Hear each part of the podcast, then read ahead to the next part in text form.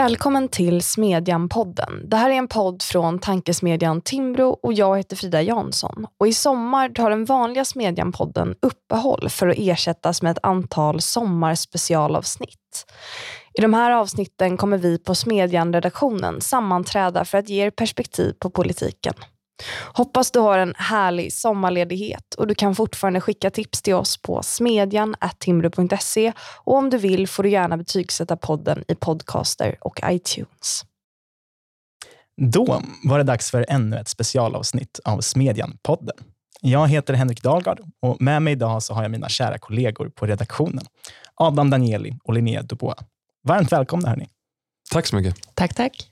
Sen vi pratade senast förra veckan så har det hänt en rad saker i den politiska världen. I Sverige så kanske en av de största snackisarna har varit att Sverigedemokraternas vitbok har släppts. Eller i alla fall första delen. Det här är ett projekt som leds av idéhistorikern Tony Gustavsson från Uppsala universitet. Och eh, den som orkar ta sig igenom den här drygt 60 sidor långa lilla skriften möts egentligen inte av jättemycket nytt.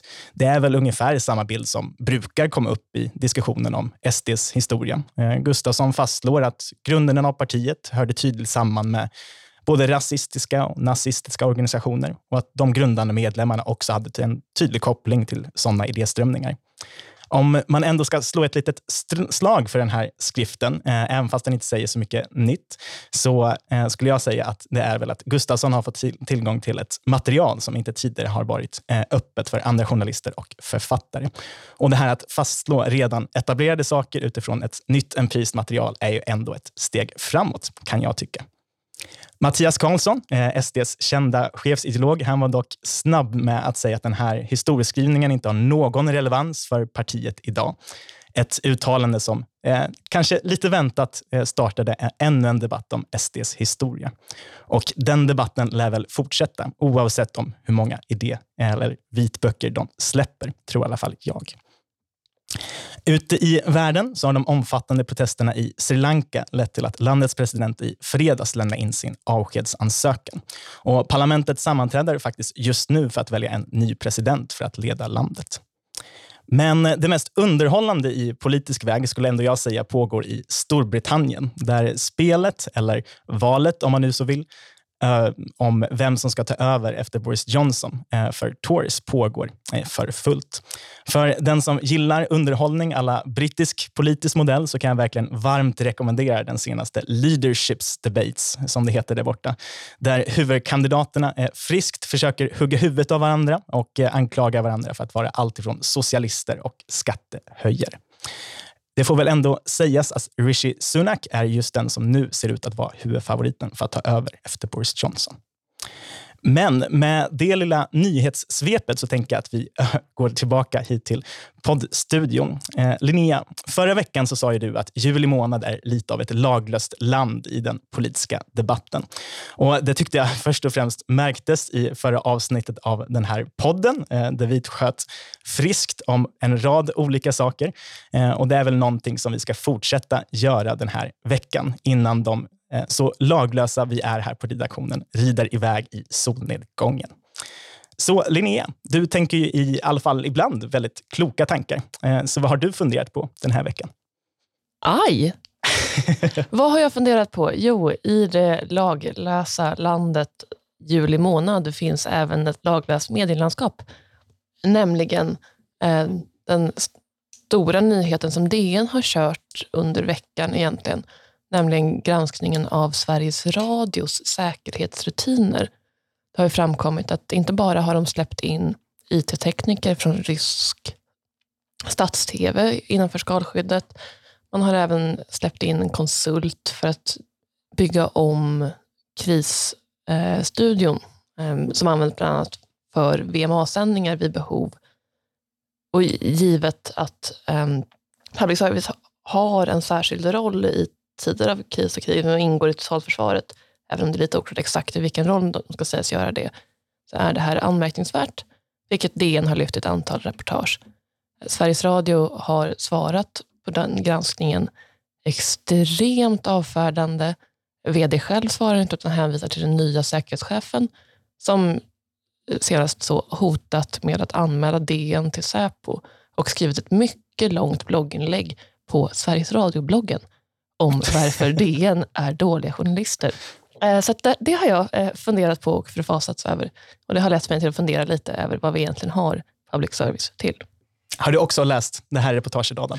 Ja, jag har ju tagit del lite grann av, av uh, debatten som har följt. Och det, det, finns väl egentligen flera exempel på, på inte så lång tid när personer som har fått kritik uh, i media har valt att använda den här lite speciella vägen. För att Visst var det så att, att, att Sveriges Radio polisanmälde DN för, det här, för deras granskning? Har jag missförstått det? De har nog inte gjort det än, nej. Utan säkerhetschefen har gått ut och sagt att om det nu är så att DN sitter på material så behöver, man, så behöver Sveriges Radio anmäla det till Säpo. Mm. Eh, är det en polisanmälan? Det är lite oklart, men de ska i vart fall bussa Säpo på DN för att utreda det här materialet som finns hos DN. Mm. Det blir väldigt märkligt när, när medier på, eh, hamnar på andra sidan helt plötsligt. Sveriges Radio och SVT har ju för en tradition av att, att vara väldigt avfärdande vad gäller just eh, kritik och granskning av den egna verksamheten. Det känns inte som att den, den journalistiska tanken som man själv menar sig använda när man granskar andra eh, är reciprok. Det, det, det, finns ingenting, det finns inte så mycket öppenhet eh, kan man säga vad gäller Sveriges Radios och, och SVTs egen verksamhet. Och Det här är ju, lite, det här är ju ganska allvarligt i och med att du, som du nämnde, SVT är ju, och SR är ju en del av totalförsvaret. De ska vara de som kommunicerar även i krig. Och Det här har ju varit den här den, den, om man träffar konservativa personer så, så är det oftast det argumentet man hör när man diskuterar varför vi har public service. Många är överens om på, på både den liberala och konservativa kanten att jo, men vi, vi behöver inte kanske Melodifestivalen, eh, men vi behöver det ju om ryssen kommer. Och Jag tycker att det här, det här ger ju en ganska tydlig känga till det argumentet att det är ju inte, man ska inte ta för givet att det är så att, att SR och SVT är någon slags resurs när det kommer till säkerhets och, och eh, utrikesfrågor. Jo men verkligen, det är ett argument jag har använt själv många gånger ska sägas. Uh, nu med anledning av den här veckans rapportering så har jag fått skäl att återvända till vilken roll det egentligen är Sveriges Radio har i totalförsvaret. Det är ganska lätt att slänga sig med det. Ja, men de har en roll i tider av kris och krig, men vad betyder det? Det vi framförallt har verkar vara att Sveriges Radio har en skyldighet att sända VMA. Um, ehm, därutöver uh, så finns det en spänning mellan olika myndigheter och um, public service-bolagen i vilken utsträckning de egentligen har ett uppdrag som utöver då att vissa personer som jobbar i bolagen blir så att säga, krigsplacerade i sina vanliga tjänster för att så säkerställa att det fortsätter um, produceras journalistik. Senast i våras så bråkades det en del om det med den nya kulturministern i samband med att de halvnya sändningstillstånden togs. Det finns en lydnadsparagraf som säger att bolagen eh, ska fortsätta som självständiga organisationer och lyda under regeringen. Och vad det betyder är det ingen som är riktigt överens med någon annan om. Um, och Om man tolkar det som bolagen vill, nämligen att de ska fortsätta bedriva oberoende journalistik, då skiljer sig inte public service-uppdrag jättemycket från något annat mediehus, vilket kanske är bra. Och sådär. Tror vi inte att TV4 och typ Svenska Dagbladet, Dagens Nyheter själva, tänkte fortsätta bedriva journalistik i möjligaste mån om det blir krig? Det skulle jag ändå tro att de tänkte försöka göra. Um, och om, de, om man tolkar åt andra hållet att public service blir en megafon, är det verkligen så bra? Om de inte ens kan ha, um, kontrollera sin egen integritet, är det bra alls? Jag har nog blivit ännu mer public service public service-kritiker än vanligt den här veckan. Om det var möjligt. Nej, jag kan väl bara hoppa på eh, det tåget också. För om man ska prata ur ett mer bredare perspektiv så tycker jag att det finns något lite mer det finns något konstigt i hela idén om att man ska ha något slags så oberoende Elfenbenstorn där en viss instans liksom ska kunna basunera ut oberoende nyheter, liksom förklara för svenska folket hur det är. Eh, oberoende om det liksom är ett säkerhetsperspektiv eller liksom vanliga nyheter. Eh, jag skulle väl vilja påstå att det här med oberoende och objektivitet är väl ord som ganska slängs ganska mycket i den eh, mediepolitiska och journalistiska debatten. Eh, jag tror väl i grund och botten alltid att man har en viss vinkel och syn på nyheter. Och Då tror jag snarare att det som du är inne på där i, slutet, Linnea, att en mer pluralism av utförare och aktörer är att föredra, så att olika perspektiv och olika vinklar kan brytas mot varandra. För att just upphöja en sån aktör som man gör med public service och Sveriges Radio i det här fallet, det tror jag snarare får ganska skadliga konsekvenser i hur man eh, i en fri marknad av idéer, som det så fint brukar heta, ska fungera. Du rynkar lite på pannan Adam, håller du med? Ja, det är klart. Jag, jag förstår ju vad, vad, som händer, men samtidigt ska man eh, komma ihåg att kris och krig är en ganska hög tröskel. Och Det finns väldigt mycket lagstiftning och, och organisering så där som, som finns i just de fallen. Ehm, vi har ju alltid från liksom ransoneringslagar till olika typer av totalförsvar. Vi, vi nämnde försvarsplacering eh, och, och, och sådär. Eller krigsplacering. Det, är man ska komma ihåg att den här tröskeln är ganska hög och när det kommer till, Sverige, till, till SVT och SR så har man ju en skyldighet kanske att inte för jag fattar vad du menar. Att det är klart att pluralism är jättebra där det finns pluralism, det vill säga där det finns andra aktörer som kan bidra. Men det finns ju väldigt många uppgifter som, som public service har, eller inte väldigt många, men en del som inte är kommersiella och de måste ju ske. Så att jag menar, grundläggande information som jag tror att man kan gå ut med oavsett om man, man, man kanske inte behöver liksom skildra regeringsbildningen. Där tror jag att det är svårt att ge en, etablera en sanning. Men grundläggande information på minoritetsspråk och såna här saker, det är ju public service eh, ansvar även i, i fredstid. Och där finns det ju, i alla fall så som vi har lagt upp mediepolitiken, det, det borde göras på annat sätt. Men så som det ser ut idag så måste ju public service ta den, den rollen. För det finns ingen annan. Det finns ingen SvD på eh, minoritetsspråk till exempel. men, men eh, DN har börjat producera nyheter på ryska nu bland annat tagit det ansvaret för att Sveriges Radio inte gör det. Nej, de la ju ner sin, sin ryska redaktion vad jag förstår för ett antal år sedan. Mm. Um, nej men jag får väl ge dig vissa poänger där, Adam. Jag håller i grund och botten med. Um, man kan väl ändå lyftet mer, eller om man ska invända lite, så kan man lyfta det mer så maktkritiska perspektivet. Att de här typen av nyheter är ju aldrig helt värderingsfria heller. Om man tittar liksom på den amerikanska staten har eh, under 1900-talet använt vissa typer av så, säkerhetspolitisk information för att föra andra typer av eh, agendor och, och, så vidare, exempelvis relaterat till yttrandefrihet, så ser man ju att de här typen av eh, nyhetstjänster också kan användas för andra ärenden. Eh, och Det perspektivet måste man ju ha, ha med sig i den här diskussionen, tycker jag. Eh, det faller allt för ofta bort. Absolut, och det är ju det är därför vi inte ska ha public service i fredstid. Alltså det, det är ju det grundläggande argumentet att, att den här typen av koncentrerade och väldigt dominerande medieaktörer Eh, Eh, är inte, de främjar inte samtalet på, på lång sikt.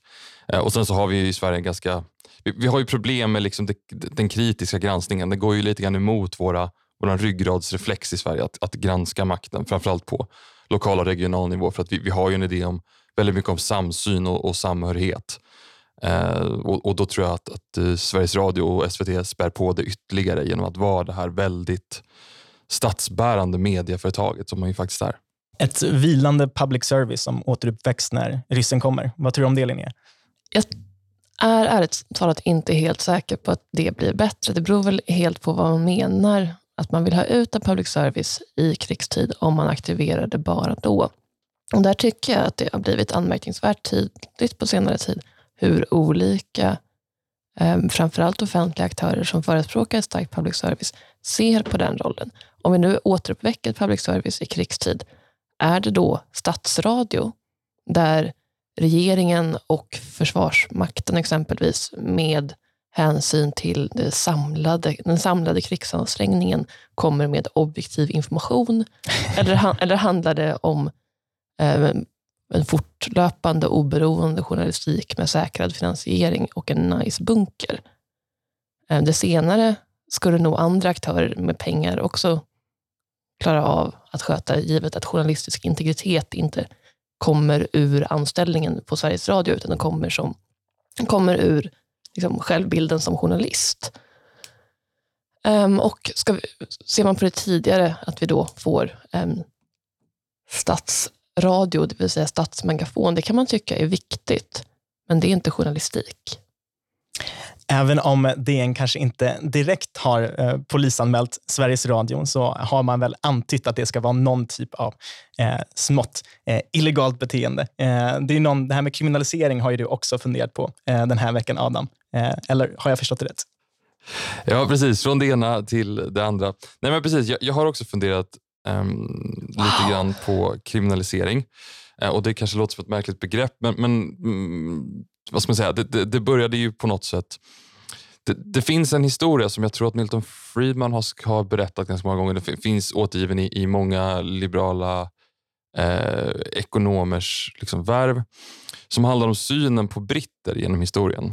Under, under 1700-talet så, så, hade brittiska eh, handelsmän och brittiska medborgare ett väldigt, ett väldigt dåligt rykte hos många länder som eh, man hade utbyte med personligt och handelsmässigt.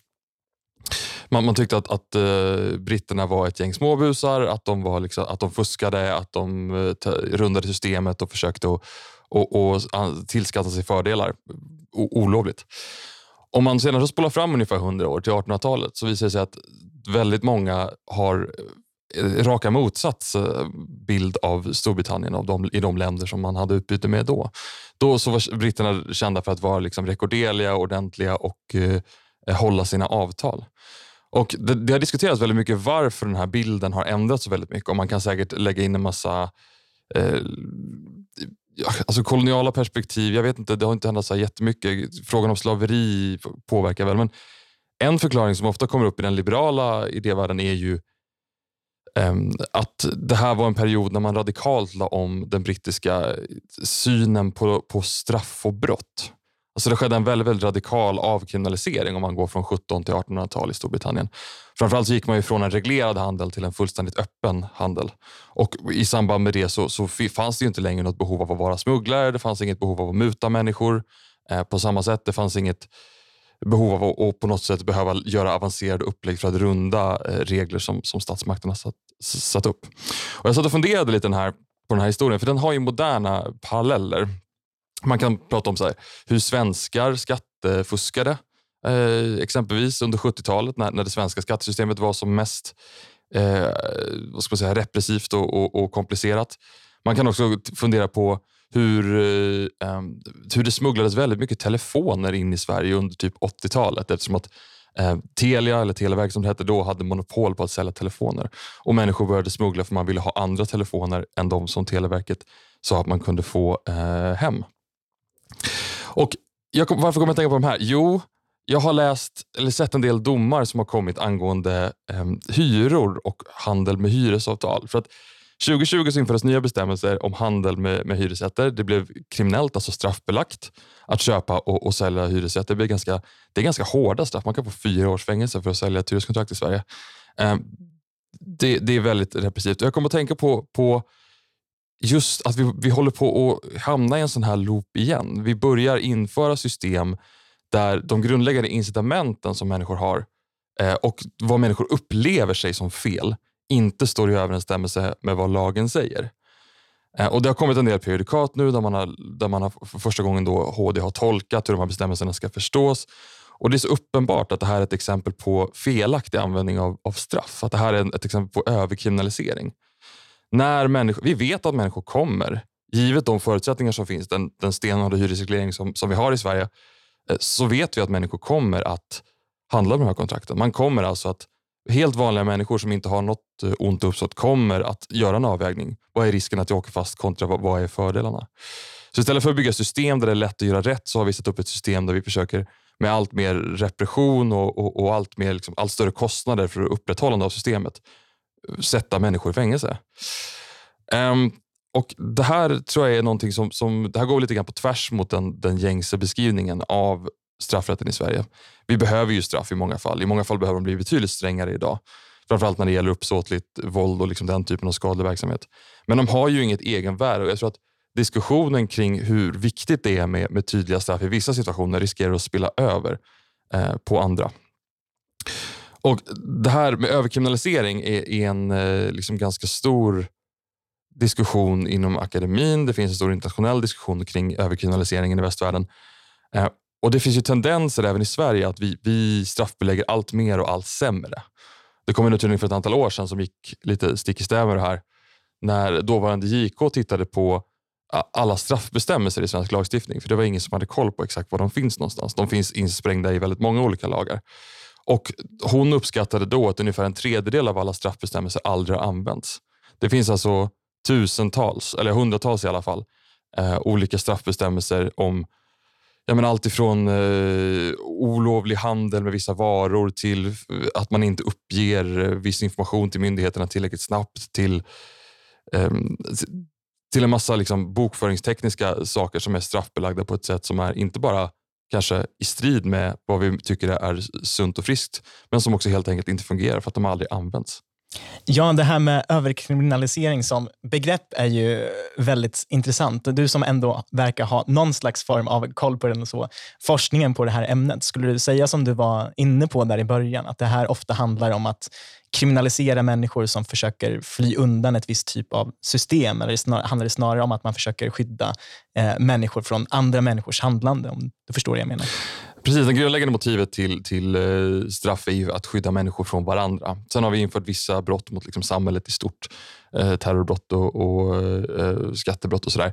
Men i, i grund och botten tror jag att det handlar om att det är väldigt enkelt att kriminalisera saker och ting. Det är, eh, det är mycket lättare än att till exempel inrätta eh, fungerande tillsynssystem. Eh, det är mycket lättare att säga att man ska kriminalisera någonting än att till exempel i frågan med, med hyror då, införa ett system där man gradvis kanske övergår till ett annat system. För då, då riskerar man att få väldigt många på sig. Att det finns en grundläggande sympati mot att kriminalisera sånt som är dåligt eller sånt som, som upplevs som avvikande från liksom, den rådande normen i, i, i samhället. Och den, den är politiker väldigt duktig på att, eh, på att utnyttja. Vad säger du Linnea? Kriminaliserar vi eh, sätt att ta sig runt systemen istället för att förändra systemen? Eller håller du med Adams långa utläggningar? Jo, jag håller i grunden med Adam. Och Den där tendensen är ju intressant. Att man tror att det, det spelar sån här whack-a-mole, eller vad säger man? liksom. Eh, att tro att det går att förändra människors sätt att svara på fullt naturliga incitament genom att kriminalisera hit, kriminalisera dit. Utan att, utan att göra en skillnad, utan att egentligen så där, finns någonting klandervärt i det man gör. Nej. Alltså det går ju att avskräcka det mesta. Allt är ju en fråga om, om repressionsnivå. Det går ju att, jag menar, eh, om du inför drakoniska straff för någonting som människor, ändå om de inte upplever det som kanske moraliskt fel, så kommer ju människor att börja anpassa sitt handlande. Frågan är ju, den typen av, av repression mot medborgaren måste ju ha någon, någon slags skyddssyfte. Och I det här fallet så är det ju, som du nämnde, det är bara dåligt fungerande system som, som egentligen eh, är värda Absolut, med den typen av logik skulle man ju ha de högsta straffen för de brottsliga handlingar som är minst klandervärdiga enligt det allmänna rättsmedvetandet och kunna ha lägre straff för sånt som människor redan avhåller sig från för att det är moraliskt klandervärt. Så livstidsstraff för att gå mot rött, liksom, om vi verkligen inte vill att folk ska gå mot rött. Mm, precis. Och det, det är ju precis den logiken där vi hamnar fel. För då blir det liksom att sånt som är svårast att lagstifta om för att människor inte har den naturliga moraliska intuitionen att undvika det. Det måste man ju eh, beivra på, på, eh, med straffrätt. Och det är uppenbart orimligt. Mm. Den här diskussionen har ju framförallt handlat om eh, eh, alltså narkotika, men det finns ganska mycket kul svenska exempel. Visste ni till exempel att, att det är, i Stockholm så hade man ganska, under ganska lång tid 50, 60, 70, 80, 90-tal hade man väldigt stora problem med det man upplevde som, som svartklubbar eller svart, här, mm. spelhålor. Och Det här var ju en reaktion då på att väldigt många människor, vi hade ju en väldigt strikt både krogreglering och alkoholreglering då som nu, men då var den ju ännu, ännu sämre. Eh, och Du fick inte ha öppet efter, jag tror att det var 11. Vilket, gjorde det liksom, vilket öppnade upp en, en, helt, eh, en väldigt intensiv verksamhet eh, där man kunde ha, ha öppet längre i olika typer av, av eh, på olika typer av svartklubbar. Och man la så otroligt mycket resurser på det här eh, och fick egentligen inte fick egentligen inte ut det på något sätt i och med att det här var sånt som inte störde andra och människor hade liksom ingen moralisk... Eh, det var svårt att få till den här moraliska plikten. Liksom. Um, och, och, Jag tänker att det finns väldigt många paralleller till exempelvis vår syn på, på narkotika idag. Och Det där fick man ju bort när man på 90-talet liberaliserade Uh, mm. I alla fall Stockholms nattliv, men jag tror hela, hela Sveriges nattliv. Det där sistnämnda är ju en poäng man borde lyfta fram mer, tycker jag. Att den här typen av kriminaliseringar får ju såklart väldigt många skadliga konsekvenser, men framförallt är det ju någonting som ordningsmakten och polisen tvingas lägga ner arbetstimmar på att försöka lösa istället för att eh, försöka mota brott som verkligen skadar andra personer. Eh, om man tar 80-talet till exempel, som du var inne på, så fanns det en danskommission på polisen eh, för att motverka det här, eller för att upprätthålla det här ökända danstillståndet. Eh, och Det är väl ett typ, typexempel på när polisen får eh, agera eh, på saker som de inte egentligen Men borde finns, göra. det finns väl kvar? va? Eh, danstillståndet finns nog, jo men det finns kvar, För men den här danskommissionen finns eh, tyvärr inte kvar på polisen. Eller tyvärr, den finns inte kvar på polisen. För att jag, jag såg någonting om att, att eh, ehm, det det finns ett tillkännagivande som har legat ganska länge, ganska många år nu, om att regeringen bör eh, utreda och i förlängningen eh, ta bort det här kravet på tillstånd för, vad är det, tillstånd för det är tillstånd för dans i allmänna, på allmänna platser. Ja. Ehm, eller platser som allmänheten har tillgänglighet till i alla fall. Det är ju en, eh, ja, det är märkligt att det här inte, att inte händer någonting. Verkligen. Eh, om man ska eh, göra en sista poäng på, på det här temat så tycker jag verkligen att den här parallellen du drar till narkotikalagstiftningen idag är högst relevant. Eh, exempelvis att polisen tvingas jaga eh, ungdomar med cigaretter som har ett visst innehåll istället för att försöka stävja de absolut grövsta eh, brotten mot andra människor är ju en ordning som man kan ifrågasätta. Mm. Har du någonting du vill komma in med, Linnea? Då tror jag att det blir eh, att vi får sätta punkt där för veckans avsnitt av Smedjan-podden. Hoppas du tyckte det var kul att lyssna på oss. Om du gillar det vi gör här så får du jättegärna sätta ett betyg på iTunes. Om det är positivt i alla fall. Vi hörs nästa vecka.